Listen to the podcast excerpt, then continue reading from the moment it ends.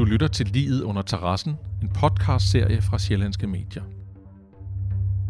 I efteråret 2018 forsvinder Lars Halvor fra den ene dag til den anden. Politiet afhører hans ven, Henrik Verdun Hansen. Verdun fortæller, at Lars godt nok havde været forbi, men var kørt igen. Politiet renser landejendommen gang på gang med deres hunde. Politiet går i gang med gravemaskinen på terrassen. Og svøbt ind i en bassindu ligger et lig. Liget af Lars Halvor. I byretten nægtede Henrik Verdun sig skyldig i drab. De troede ikke på, at han skød Lars Halvor ved et uheld. Henrik Verdun Hansen blev idømt 15 års fængsel for drab, usømmelig omgang med lig og medvirken til narkohandel. Henrik Verdun ankede på stedet. Nu kører drabsagen igen i Østre Landsret. Vores journalist Anna Hjortsø følger sagen i landsretten. Efter hvert retsmøde tager hun i studiet og fortæller, hvad der er sket. Velkommen til vores podcast, Livet under terrassen. Jeg hedder Camilla Nissen, og jeg har Anna Hjortsø med mig, som har været i Østre Landsret inde i København. Og øhm, Anna hun har været til det sidste retsmøde i sagen, hvor, øh, hvor der skulle afsiges dom. Det var jo sådan, at øh, anklageren havde nedlagt påstand om, om 16 års fængsel, en skærpelse af straffen øh, fra byretten, hvor, øh, hvor den tiltalte han blev idømt 15 års fængsel. Øh, omvendt så havde øh, Henrik Verdun Hansen, der blev dømt for drabet, han havde øh, påstået frifindelse, fordi at han øh, havde hævdet, at, der, at det var tale om et øh, uheld, at han havde skudt Lars Halvor ved et vådeskud.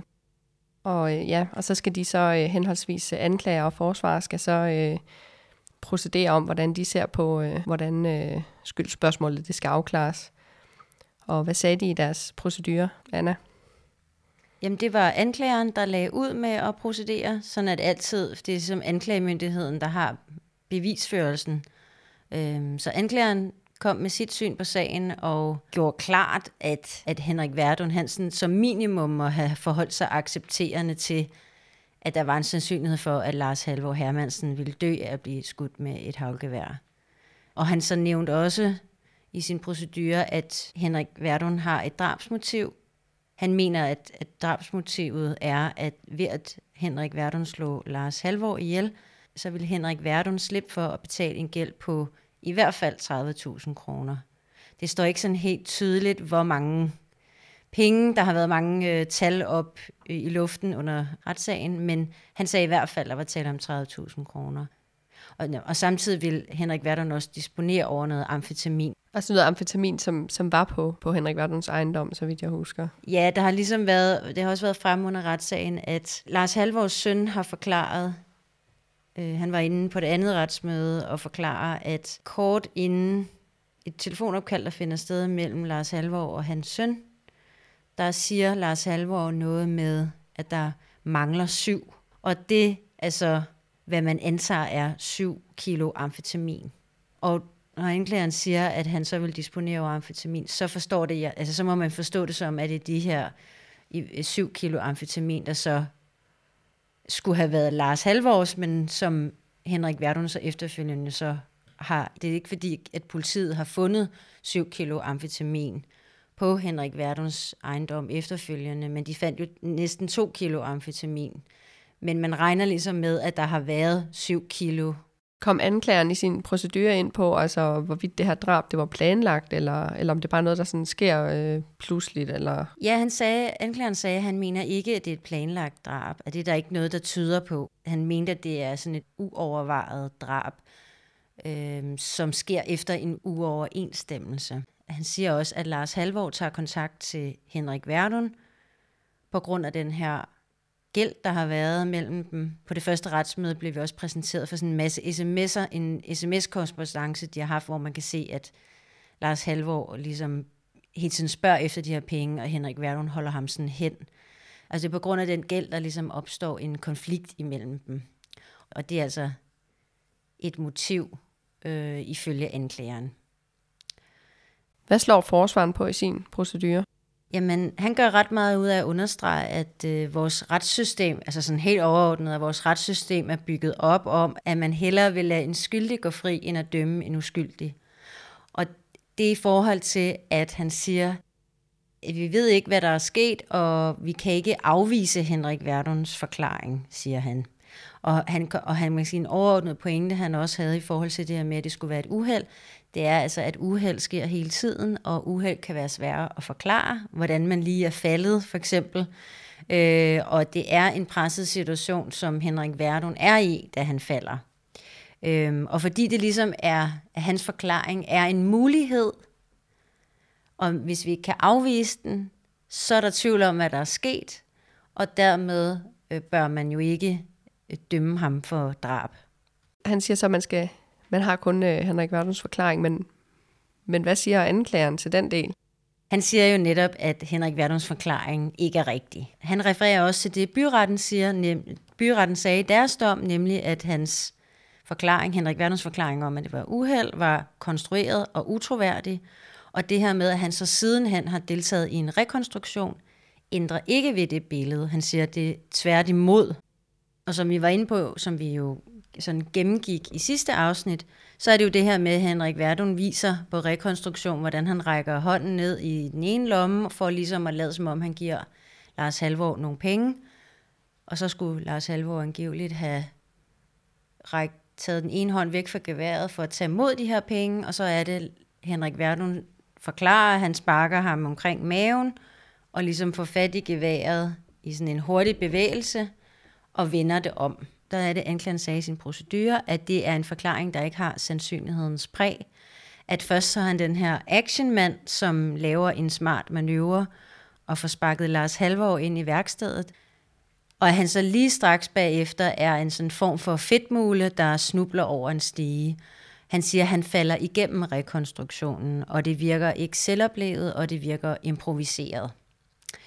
Øh, men samtidig så siger han også, at, jamen, at, den, at Henrik Verdun ikke er nogen fedtmule, når det kommer til det her med at, hånd, altså håndtere et, et skydevåben. Det her med, at han havde fingeren på aftrækkeren, og han mener også, at han har kendskab til, til, til våben. Ja, det var vi jo også inde på i sidste afsnit, at han er jo ikke Altså han har jo haft et våben i hånden før, kan man sige. Ja, jeg mener også, vi, ja, vi talte om de her videoer, øh, hvor man kan se, at han skyder og knækker geværet over øh, på en af videoerne. Og det må være det, som anklageren ligesom henviser til, tænker jeg, øh, når han siger sådan her, ikke? Jo, og så er der også øh, flere, øh, der er nogle naboer, der fortæller om, at, og har i hvert fald har hørt ham gå og skyde ude i haven. Så der er ligesom også nogle vidner, der kan fortælle om, at, at det ikke første gang, han har et, et havlgevær i, i hænderne. Hvad, hvad med forsvaren? Kommer han ind på, på den her rekonstruktion i sin procedure? Ja, han siger, at han har svært ved at se, hvordan den kan blive brugt sådan negativt mod Henrik Verdun. Øhm, fordi han mener tværtim, eller han siger, at han, han viser jo det, han har forklaret. Altså det her med, at der er, en, der er faktisk en overensstemmelse mellem det, Henrik Verdun har siddet og forklaret i byretten og siddet og forklaret i landsretten, og det, han så viser under rekonstruktionen, det stemmer overens med det. Så det kan han ikke se, hvordan det skulle være, være utroværdigt? Nej, altså. han, kan ikke, han kan ikke se, hvorfor at ankl- altså, han, han siger det her med, at anklagemyndigheden mener, at han er utroværdig, men det kan han ikke se. Og han synes, han går meget sikkert frem, og at øh, han siger, ja, han er usikker på afstanden, men at det hele finder jo sted på få sekunder, så, så den, man kan sige, den menneskelige hukommelse er ikke så god, at man bare lige sådan kan spole tilbage, kan man sige. Så han synes egentlig, det er meget naturligt, at der er nogle ting, Henrik Vernon ikke kan huske, heller ikke i rekonstruktionen. Så de snakker en del om den her rekonstruktion. Jeg kan huske, øh, at øh, vi også var inde på, at den viser noget omkring, hvordan, eller hvad hedder det, at en våbentekniker havde kommenteret på, på det. Øh, kom, bruger de også den del i, i deres procedurer? Ja, altså det, i forhold til det, så er det ene det her med, hvordan står Lars Halvor foran den her døråbning ind til værkstedet, i forhold til, når skuddet går af, og Henrik Verdun ifølge ham selv ligesom snubler sådan til, skråt til højre for ham, kan man sige, over den her stige. Og det gør, kommer både anklager og forsvar ind på. Øhm, og anklageren hæfter sig ved, at, at våbenteknikeren fandt, at der var noget, der ikke netop ikke passede med det, de havde fundet frem til øh, i forhold til det her med deres placeringer i forhold til hinanden, og at det her med, at de havde front mod hinanden, ifølge Henrik Verduns forklaring, eller hvilket han også sagde der under rekonstruktionen.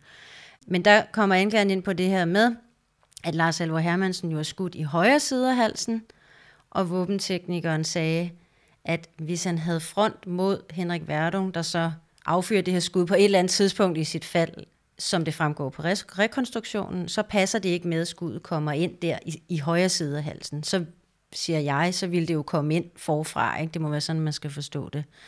Og noget af det, anklageren også siger om den der sådan specifikt med, hvordan de står i forhold til hinanden, det er også, at jamen, der, er, der er mange ukendte faktorer til ligesom at kunne fastslå, sådan, hvordan de har været placeret. Øhm, om Lars Halvor krummer lidt forover, og hvordan Henrik har våbnet i, i hænderne, altså nede i hof, hvor har han det henne i hoftehøjde og så lignende, ikke? eller længere op. Øh, men han siger, at det vi ved, det er, det er med få meters afstand, og det er så et let op gående skud.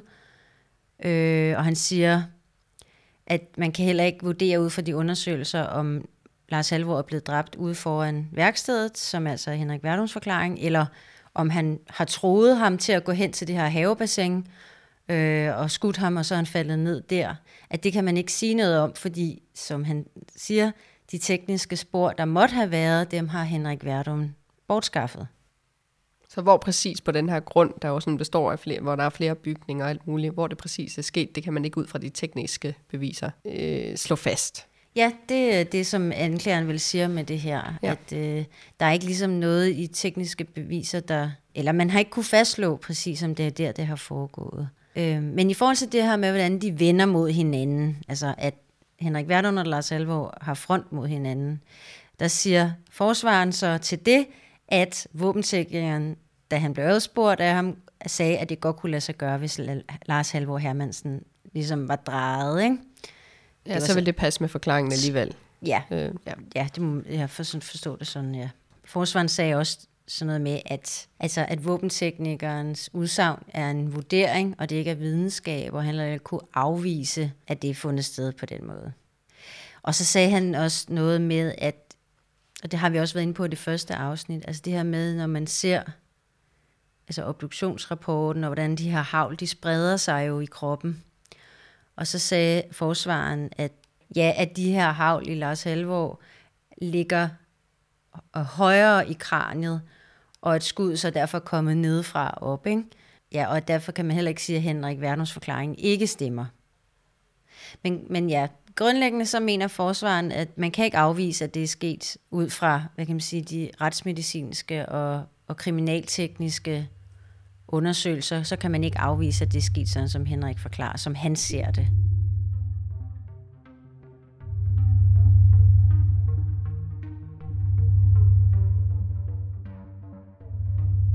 Undervejs øh, har Henrik Verdun også forklaret det her med, at, at i den her situation, hvor han ender med at skyde Lars Halvor, at, øh, at der skal man forstå, at han er en farlig mand. Øhm, altså den her del af det, var det også noget, der indgik i procedurerne? Ja, det kom de også rundt om, øhm, fordi det er jo sådan, det kan man sige, det har jo en betydning for, hvordan Henrik Verdun jo så, om det er sådan, altså, hvad kan man sige, en sandsynligt, at han, i forhold til, hvordan han agerer. Ja, om han har måske har følt sig truet, og så af den grund også ender med at skyde. Ja, det, det han jo selv forklaret, det, det der med, hvorfor er det, han, det er i forhold til, hvorfor bakker han tilbage på den der måde. Og på rekonstruktionen, der løber han jo faktisk tilbage, så det går sådan ret hurtigt. Det er jo i forhold til, hvorfor gør han det? Og der har han sig selv forklaret, det var fordi, han synes, det var en farlig situation, at Lars Halvor var en farlig mand. Så det er jo med til sådan at forklare, man kan sige, et par af de sekunder i hele den, i den skud, eller i den situation, hvor skuddet bliver affyret i. Ikke? Men der kommer anklageren ind på, at, at situationen er, at Lars Halvor står, altså ifølge Henrik Verdums forklaring, og er ubevæbnet. Henrik har våbnet, og har i hvert fald tidligere i sit liv dyrket noget kampsport, sort bælte i, jeg ved ikke, om jeg siger det rigtigt, noget, der hedder Xiaoying, og siger altså, at han er kampsportsduelig, selvom det er noget tid siden, han har dyrket det. Og så siger han sådan retorisk, hvordan kan Lars Halvor udgøre en trussel i den situation? Og der mener han så ikke, at Henrik Verdun har kunne forklare det. Og der siger forsvaren jo så omvendt, det er ikke usandsynligt, at Lars Halvor har været aggressiv og har stået med det her gevær, må vi forstå det som, og det ikke kan afvises, og på baggrund af, at der er det her med 7 kilo amfetamin, der mangler, og han siger, det handler ikke om den her lille gæld, som Henrik har til Lars, men drejer sig om øh, narkotika for mange tusind kroner, og det ligesom skulle give mening, at det er derfor, at... Ja, at situationen kan være farlig. og at det ligesom har været, altså for en narkohandler som Lars Halvor, så er det et problem, hvis man mangler 7 kilo amfetamin lige pludselig, fordi der er nogle andre involveret på en eller anden måde. Øh, altså så, så hans, hvad kan man sige, hans rationale eller er, at jamen, det kan ikke afvises, at Lars Halvor har været altså aggressiv, og dermed man kan sige, en trussel, som Henrik Verdun opfatter ham som. Men der kan man vel sige, at øhm, hvis det så var tale om et uheld, som, øh, som forsvaren så ligesom argumenterer for, så er der jo hele den her del med, at man først finder Lars Halvor øh, mange dage efter han er forsvundet, og at han er jo som bekendt er gravet ned. Var det også et tema i proceduren? Ja, de kommer både ind på det, der sker lige efter drabet, hvordan Henrik Verdun ligesom reagerer, og det han ikke gør, kan man sige. Øh, og så hele efterspillet der med, at han graver ham ned. Men hvis vi, lige, hvis vi tager det der med lige efter, da skuddet er blevet afgivet, så er det anklageren, han anfægter jo det her med, jamen, hvis det er et uheld, hvorfor ringer Henrik Verdun ikke efter hjælp? Hvordan kan han med retsmedicinsk sikkerhed vide, at hans liv ikke står til at redde? Eller hvorfor gør han ikke et forsøg? Fordi der har Henrik Verdun forklaret, at han ligesom kort e- tid efter skuddet bliver afgivet, ligesom tager, han, han, han går hen til ham, og så konstaterer han, at der ikke er nogen tegn på liv, og tager hans puls og sådan noget. Og så er det, at han går ud til den der nabo, som han hører på vej derhen. Ikke? Øhm, så det, han anfægter jo det her med et uheld, også ud fra, at han ligesom ikke, hvordan han reagerer lige efter skuddet er afgivet. Ikke? Og også det her med, hvorfor, hvorfor er det så, han får naboen i hvert fald, som også har vidnet her i landsretten, hvorfor virker han upåvirket tre minutter efter, han står og snakker med naboen øh, ved den her trampolin.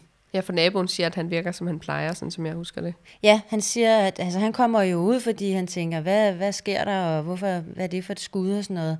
Og de har så kortlagt den der rute med, at det tager tre minutter fra at gå fra hans sofa, kan man sige, og så hen til, til det område der ved værkstedet.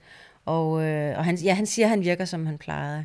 Så det er også noget af det, anklageren synes, jamen, hvis der sker et uheld, vil man så ikke være, altså, vil man så ikke virke påvirket af det, ikke?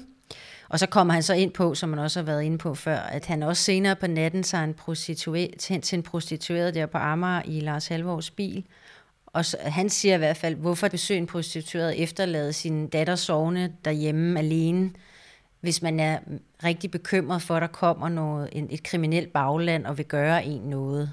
Ja, for det er det, han har forklaret, sådan som jeg husker det. Det er jo hans oprindelige forklaring, øh, at, at han er nervøs for, at Lars øh, Halvors bagland, som han refererer til, øhm, skulle være farligt, at, at, øh, at der skulle ske noget i den forbindelse ja, han med er ham både, og sin datter. Ja, præcis. Altså udover at han, han har forklaret, at han også tænkte på, jamen hvis politiet kommer, hvis jeg ringer til politiet nu, så vil de opdage det her amfetamin og altså nogle kriminelle forhold, kan man sige. Men også det her, som jeg forstod det, især det her med det kriminelle bagland, der ligesom skulle gøre noget. Og der siger anklageren så også, jamen hvad er det for et bagland, at Henrik Verdun ikke har kunne forklare, eller Henrik Verdun ikke har kunne konkretisere, øh, hvad det egentlig, hvem er det egentlig, der er tale om? Ikke? Hvad er det for nogle specifikke mennesker eller specifikke kriminelle miljøer, som jeg forstår det. Ikke? Og hvad, altså kommer forsvaren så med en, med en anden udlægning af den her del, altså det her med, at han ender med at, ja, for det første, at han ikke øh, tilkalder hjælp og, og virker upåvirket, men også øh, den anden del med, at han, han jo skjuler livet.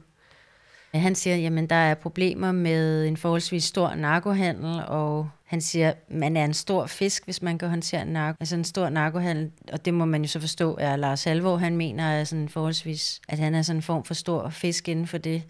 Øhm, og der skal så netværk til og kanaler til at afsætte det også. Han prøver ligesom at sige, at der nok er et bagland, som så er kriminelt. Ikke? At det ikke er almindelige mennesker, vi har at gøre med, men det er et kriminelt miljø. Øhm, så han prøver ligesom at altså, man kan sige, sandsynliggøre, at der er tale om et kriminelt bagland, selvom at Henrik Werner ikke har kunne sige specifikt, hvem det er. Ikke?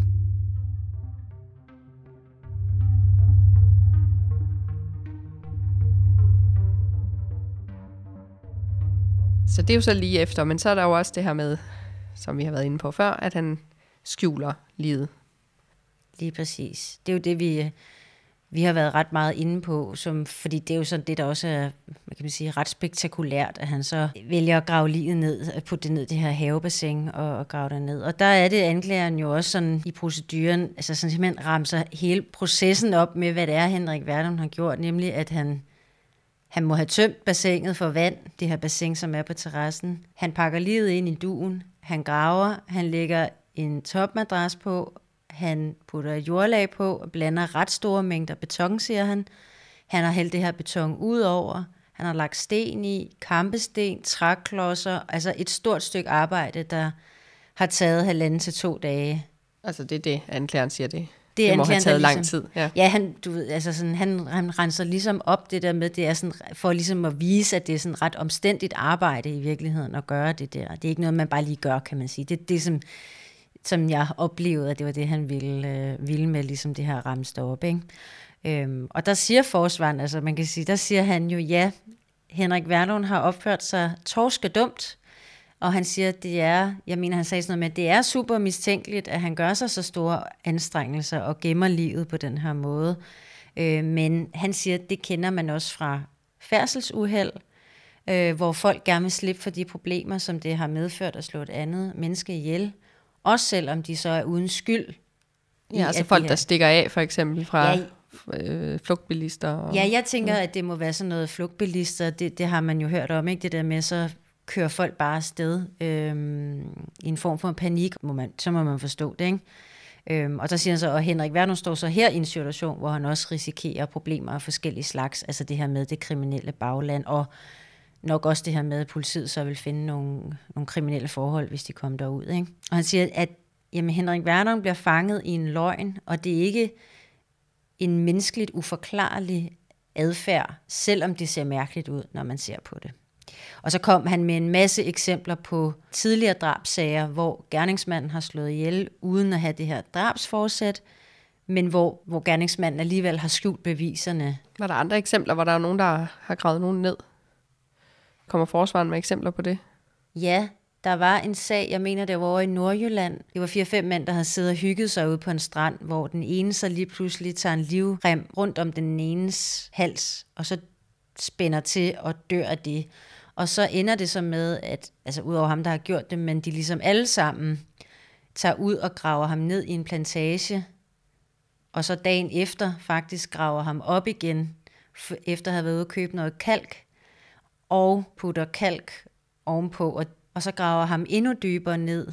Og det er jo det her med, kan man sige, at være i en presset situation. Og der siger anklageren så, ja, Henrik Verdun hævder, at han var presset, men det synes han, eller det mener han ikke, at de der, den der sms korrespondance der har været mellem Henrik Verdun og Lars Halvor, giver udtryk for. Sådan, han siger, anklageren siger, ja, Lars, vil, Lars Halvor vil gerne have sine penge, og Henrik Verdun holder ham hen med undskyldninger.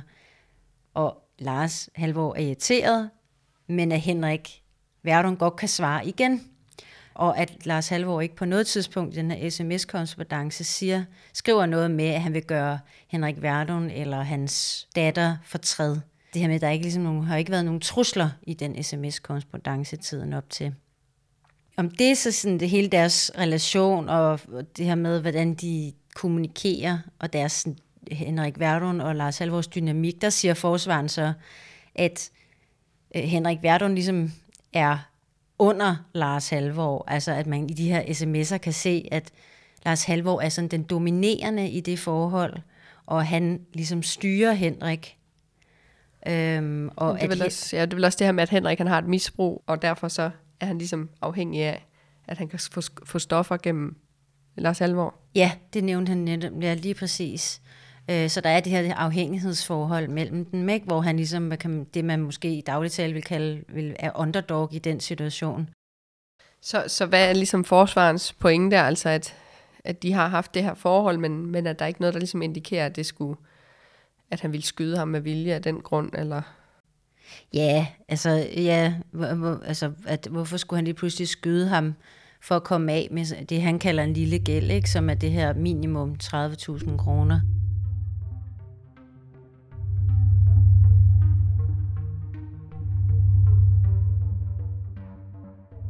Hvad med hele den her periode, inden man finder Lars Halvor? hvor, øh, hvor politiet har fat i, øh, i Henrik Verden flere gange, men hvor han jo i hvert fald i, til at starte med leder politiet i en anden retning, kan man sige. Er det noget, som, som anklageren kommer ind på i sin procedure? Ja, det må man sige. Han siger jo, at Henrik Verdun kommer med hele og halve usandheder, som netop i den her periode ledte politiet på afveje, og, øh, og også ledte øh, Lars Halvors søn på Vildsborg, som jo også var i kontakt med, med Henrik Verdun og spurgte til, om han vidste noget sådan undervejs, fordi han ledte efter ham. Anklageren sagde også, at han holder sig, har heller ikke holdt sig tilbage med at mistænkeliggøre andre. Han har også på et tidspunkt han har også nævnt nogle andre navne, som kunne måske have været involveret i Lars Halvors forsvinden. Han nævner også det her med, at Henrik Verduns forklaring, altså der, hvor han siger, ja, det var mig, der skød ham, det, men det var et uheld, at den kommer alt for sent, at det kommer på et tidspunkt, ifølge anklageren, hvor, hvor han ligesom kender alle efterforskningsskridt i sagen, og dermed forsøger at, hvad kan man sige, ensrette sin forklaring. Øh. Altså at han ligesom prøver, altså der ikke er rigtigt, han kan ikke gå andre veje øh, længere, eller han, øh, nettet strammes måske lidt. Eller? Ja, han er trængt op i en krog, fordi de ligesom har de her beviser, og han så, som jeg forstod det, ligesom skulle have kommet med sin forklaring, så den ligesom passer med nogle af de ting, man ved på det tidspunkt. Ja, altså man ved, at der er fundet et gevær, og øh, altså det kan måske være sådan nogle ting. Ja, og der er fundet amfetamin, og fordi at Henrik Verdun blev afhørt der sådan første gang, jeg mener det er sådan 10 dage efter Lars Alvor forsvandt, og så er det så, det er så i slutningen af september, og så er det så i starten, helt i starten af december, at han så første gang siger det her med et uheld, ikke? så der går sådan en rumtid. Har forsvaret noget at sige til, til den del i sin procedure? Ja, han siger, at øh, jamen, det er ikke rigtigt, det her med, at han sådan skulle koldt og kynisk have ventet på beviserne, indtil han sagde, hvad der var foregået. Øhm, han forklarer sig noget med, at Henrik Verdun øh, skifter advokat i den her proces. Han var ikke tilfreds med den første, han fik, og skiftede så til ham under en måned efter, han var blevet øh, varetægtsfængslet. Altså, så siger forsvarsadvokaten, at han og Henrik Verdun beslutter, at han skal afgive øh, forklaring med det samme, altså hurtigst muligt, men at det så først bliver i starten af december. Og at han ikke sådan har siddet og ventet på, at alle beviserne, øh, han kunne sidde og sådan kalkulere i, hvordan hans forklaring kunne passe med den. Ikke? Jeg kan huske, du fortalte sidste gang, at, øh, at Henrik Verdun havde sagt til nogen, øh, jeg tror det var nogle naboer, at han tidligere havde været jægersoldat, øh, hvor anklagemyndigheden havde undersøgt det og kunne konkludere, at det, at det var ikke, øh, at det var ikke sandt. Øh, er det også nogle ting, som, som anklageren kommer ind på i proceduren?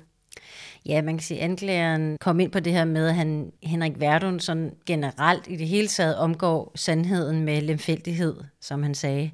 Der kommer han ind på den der jægersoldat-historie.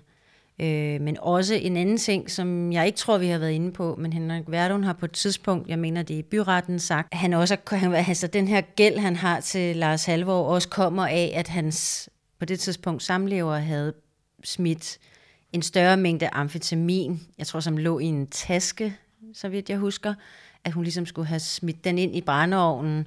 Jeg kan huske i byretten, at det bliver nævnt det her med, at, at der er noget amfetamin, der er blevet brændt af. Ja. Øhm, ja. Men hun fortæller så også i byretten, har jeg kunne læse, at det ikke er rigtigt.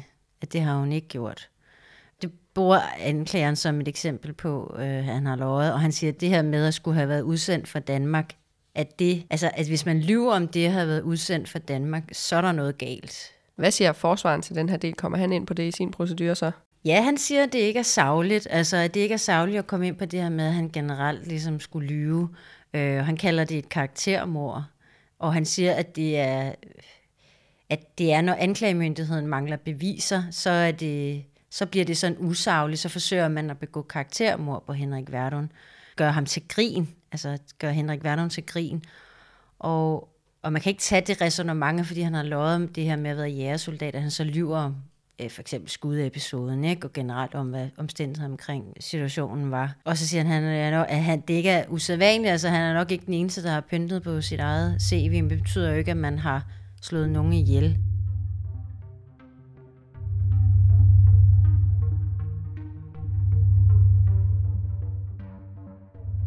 Noget jeg også lige vil, vil nævne fra proceduren, som vi også har været inde på før, det er det her spørgsmål omkring Lars Halvor, og om han havde handsker på eller ej. Fordi det kom både anklager og forsvar også ind på. Ja, og det har vel betydning i forhold til det her med, om at man ikke har fundet øh, Lars Halvors fingeraftryk på det her havlgevær. Lige præcis. Og det er jo i forhold til Henrik Verdums forklaring om, at han ligesom var den, den der stod med det. Ikke? Han har også på et tidspunkt fortalt, at det var Lars Halvors gevær.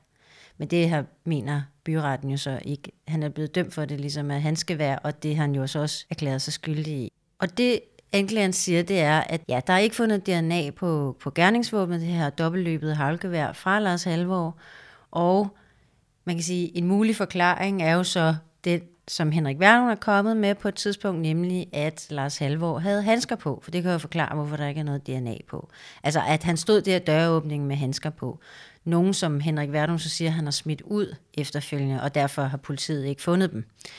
Øhm, og det mener anklageren ikke er rigtigt, altså at der skulle være de her handsker.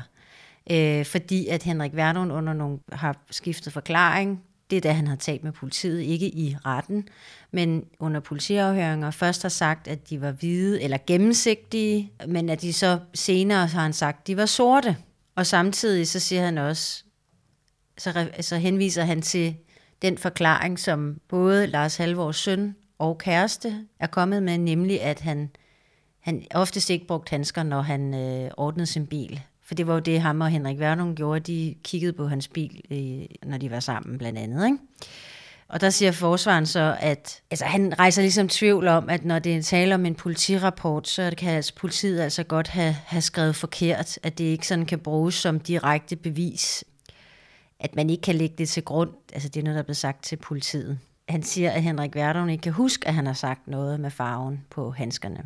Men det er altså en detalje, kan man sige, som anklageren mener er med til at vise, at han lyver. Øh, han sagde, at sandheden er nem at huske, men det er svært at huske detaljerne i en løgn. Ikke? Der er det jo sådan, at, øh, at når procedurerne er afsluttet, så vil, vil retten normalt give den tiltalte lov til at sige øh, nogle ord, Tager Henrik øh, Verdun imod det tilbud? Ja, det gør han. Han læser op for noget, han har skrevet på forhånd. Men altså, jeg vil sige, det var lidt svært at forstå, fordi han også græd imens, at han gjorde det. Så det var lidt utydeligt for mig, sådan præcist, hvad det var, han sagde. Men noget af det, han sagde, det var, at han var misbruger, og han ikke kunne se, hvor langt ude han var. Og han sagde, at jeg fortryder mange af mine valg, især at det kom så langt ud mellem mig og Lars. Og så sagde han også, at han hverken havde planlagt at dræbe ham eller grave ham ned, og han skulle have ringet til politiet, og, men at det var fordi, han frygtede for, for sit eget og sine børns liv. Jeg mener også, han sagde, at det var ligesom også spillet ind det her med, at han frygtede, hvordan hans børn ville se på ham på baggrund af det her.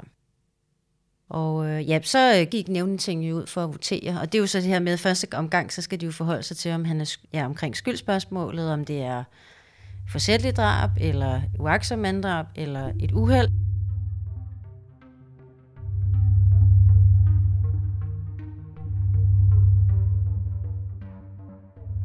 Så kommer nævningetinget tilbage, og hvis man skal stå op, når en øh, kendelse bliver afsagt, og der siger retsformanden så, at de, øh, de finder ham skyldig i forholdet. Og det vil altså sige, at de mener, at han er skyldig i drab. En del af begrundelsen er, at øh, jamen, de gentager faktisk, hvad der står i byrettens dom, nemlig at de mener, at hans, øh, Henrik Werners forklaring er utroværdig og konstrueret. Øhm, så det vil sige, de er enige med byretten, men i forhold til byretten, så ligger de også vægt på sådan nogle mere, hvad kan man sige, tekniske ting, altså på de tekniske beviser, holdt op imod Henrik Verdums forklaring, som de jo altså mener er utroværdig. Og nogle af de ting, de kommer ind på, det er også det, vi har snakket om, nemlig den her med placeringen mellem Henrik Verdun og Lars Halvor. Det er så ikke forenligt med, at han er skudt i højre side af halsen. Og også det her med forklaringen om Henrik Verdun, ligesom i det der, fordi han jo skyder, altså skuddet går af på et tidspunkt, da han falder, men at han ligesom var i jordhøjde, øh, er ikke forenligt med obduktionsrapporten, som er lavet, og våbenteknikernes forklaring, altså de undersøgelser, kriminaltekniske undersøgelser. Og de nævner også til med, at der kun er spor på geværet efter Henrik Verdun. De tror heller ikke på den her forklaring med handskerne, øh, at han ligesom skulle have haft handsker på.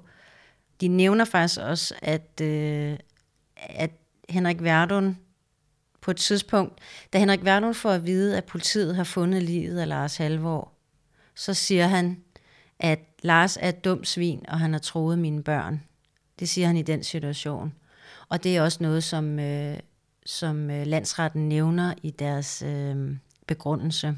Hvordan tager han imod den kendelse? Jamen, jeg blev egentlig lidt overrasket over, at han ikke begyndte at græde, fordi han har egentlig sådan haft lidt til tårer under sådan øh, hele øh, retssagen. Øhm, men det gjorde han ikke. Øh, han virkede sådan meget fattet.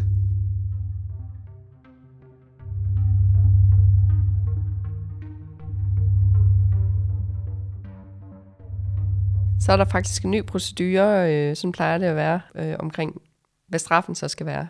Ja, nu er Henrik Verdun jo så blevet igen kendt skyldig i drab, og han har jo, vi skal jo lige huske på, at det er jo et længere anklageskrift, altså det vil sige, der er jo også det her med geværet og narkohandel og besiddelse af amfetamin og nogle forskellige ting, og usømmelig omgang med lige selvfølgelig, øhm, som landsretten jo ikke har skulle forholde sig til. For, altså, det er givet, kan man sige, fordi han har erklæret sig skyldig i dem. Den del er blevet anket til formidelse, så han håber jo på, han har jo håbet på, at selv hvis han så bliver kendt skyldig i drab, at han så vil få en lavere, lavere straf.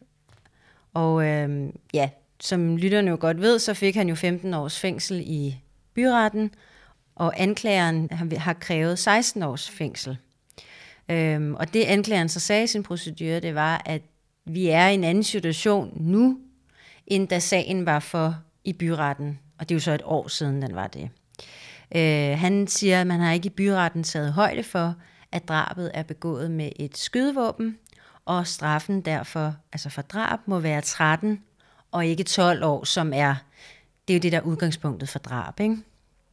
Og han fortalte, at, at straffen er blevet skærpet, og som jeg forstod det, så var det på grund af altså, de her bandekonflikter, der har været de senere år, og så har man skærpet straffen, fordi de jo har, der har været de her tilfælde, hvor at, øh, bander har skudt på hinanden på offentlig gade, og det har været med, med, med skydevåben. Ikke? Øhm, så altså det her med, man skal, at man sådan set skal have højere straf for at bruge et skydevåben til at slå nogen ihjel, end hvis man for eksempel havde brugt en kniv. Og så kom han kom med nogle eksem, to eksempler fra dommen, der, er, der har været i højeste ret, og sammenlagt med de andre forhold, altså også det her med, med narkohandel og besiddelse, og at der var tale en ret stor mængde amfetamin, det her ikke under 7 kilo, som det hedder, øh, så mener han, at det sammenlagt måtte føre til de her 16 års fængsel. Og hvad er forsvarens påstand? Jamen han ville så netop gerne have straffen ned fra de her 15 år til 14 års fængsel. Og han brugte så ret meget sin procedure på at komme med eksempler på øh, domme, der viste, jamen drab giver 12 års fængsel. Han kom også et eksempel med en, der har slået ihjel med et dobbeltløbet halvgevær, som jo også er tilfældet i den her sag, som gav 12 års fængsel. Øhm, og han siger, altså, så er der de her eksempler fra højesteretten på nogle tidligere domme, og så siger han, at i den her situation, der er ikke tale om bander, altså, som, hvor, at de er, hvor det er ligesom det, altså sådan det her med, at det, det der ekstra år ligesom skulle komme fra, når nogen blev slået ihjel med et skydevåben. Ikke? Øh, og så sagde han også det her med Henrik Verdums rolle i det her narkohandel. Så sagde han også, at han sagde, jeg tror, at byretten har ret i, at selvfølgelig er Henriks rolle meget, meget begrænset, og at han har været i det her afhængighedsforhold til Lars Halvor. Og det er fordi, i byrettens dom, der fremgår det, at Henrik Verdun har deltaget i besiddelse af og pakning af det, de kalder ikke ubetydelige mængder amfetamin. Det vil sige, for ham er det, at han ikke har indtaget, man kan man sige, en stor rolle i den her narkohandel, som jeg forstår det. Ikke? Ja, og så gik nævnetinget ud og voterede øh, om, øh, hvor mange års fængsel han skulle have, og kom ind igen. Retsformanden sagde, at de havde valgt at give Henrik Verdun 16 års fængsel, altså en forhøjelse af straffen på et år. Og der kom ikke nogen lang begrundelse for, hvorfor, men han sagde, at de havde lagt vægt på de samme forhold som byretten, men altså fundet det passende med en straf på 16 års fængsel. Og øh, hvis vi kigger tilbage så i byrettens dom, det de så lagde vægt på, blandt andet, det var, at øh, han var kendt skyldig i at have haft gerningsvåbnet, altså det her dobbeltløbede havlgevær, altså uden tilladelse, altså haft det i en besiddelse ulovligt, og han har haft det i en længere periode, og at det også var blevet brugt forud for drabet, de nævnte også, at, Henrik, at det her, at Henrik Verdun havde haft kontakt til, til personer i kriminelle kredse, havde også haft en betydning. Og byretten lagde også vægt på, at Henrik Verdun er dømt for at have deltaget i, i narkohandel og have opbevaret de her øh, ikke ubetydelige mængder, ikke? som er ikke under 7 kilo. med, altså med henblik på at, at sælge det videre. Og det er jo nogle forhold, som han i landsretten har kendt sig skyldig i alle tre forhold. Ikke? Hvad så, da den endelige dom faldt? Øh, var der, hvordan var stemningen? Altså man kan sige, generelt så, øh, så var Henrik Verdun jo ked af det. Altså han var også over at omfavne sin datter på et tidspunkt, og hun var også ked af det. I det, han har anket, har han jo håbet på, at han ja, både, eller enten ville blive frikendt for drab, eller så han ville få en lavere straf, og nu er det jo så endt med, at han har fået et år ekstra i fængsel. Er det så, kan man betragte sagen som afsluttet nu? Det vil jeg jo det vil sige, at den er. Altså man kan jo anke til højesteret, men det, bliver jo, det er kun, hvis det er mere principiel karakter. Altså man kan sige skyldspørgsmålet, hvorvidt der er tale om drab, det er urokkeligt, kan man sige. Højesteret tager ikke stilling til skyldspørgsmålet. Men de kan godt ændre en straf, men det skal være på mere principielt niveau, altså er reglerne anvendt rigtigt? Har den her sag betydning for andre sager, eller har en eller anden særlig samfundsmæssig interesse? Det er svært at vurdere, men man kan sige, vi må betragte det som en lukket sag nu, og så skulle det i hvert fald være øh, overraskende, hvis, øh, hvis den kom til højeste ret. Ikke? Du har lyttet til en podcast fra Sjællandske Medier.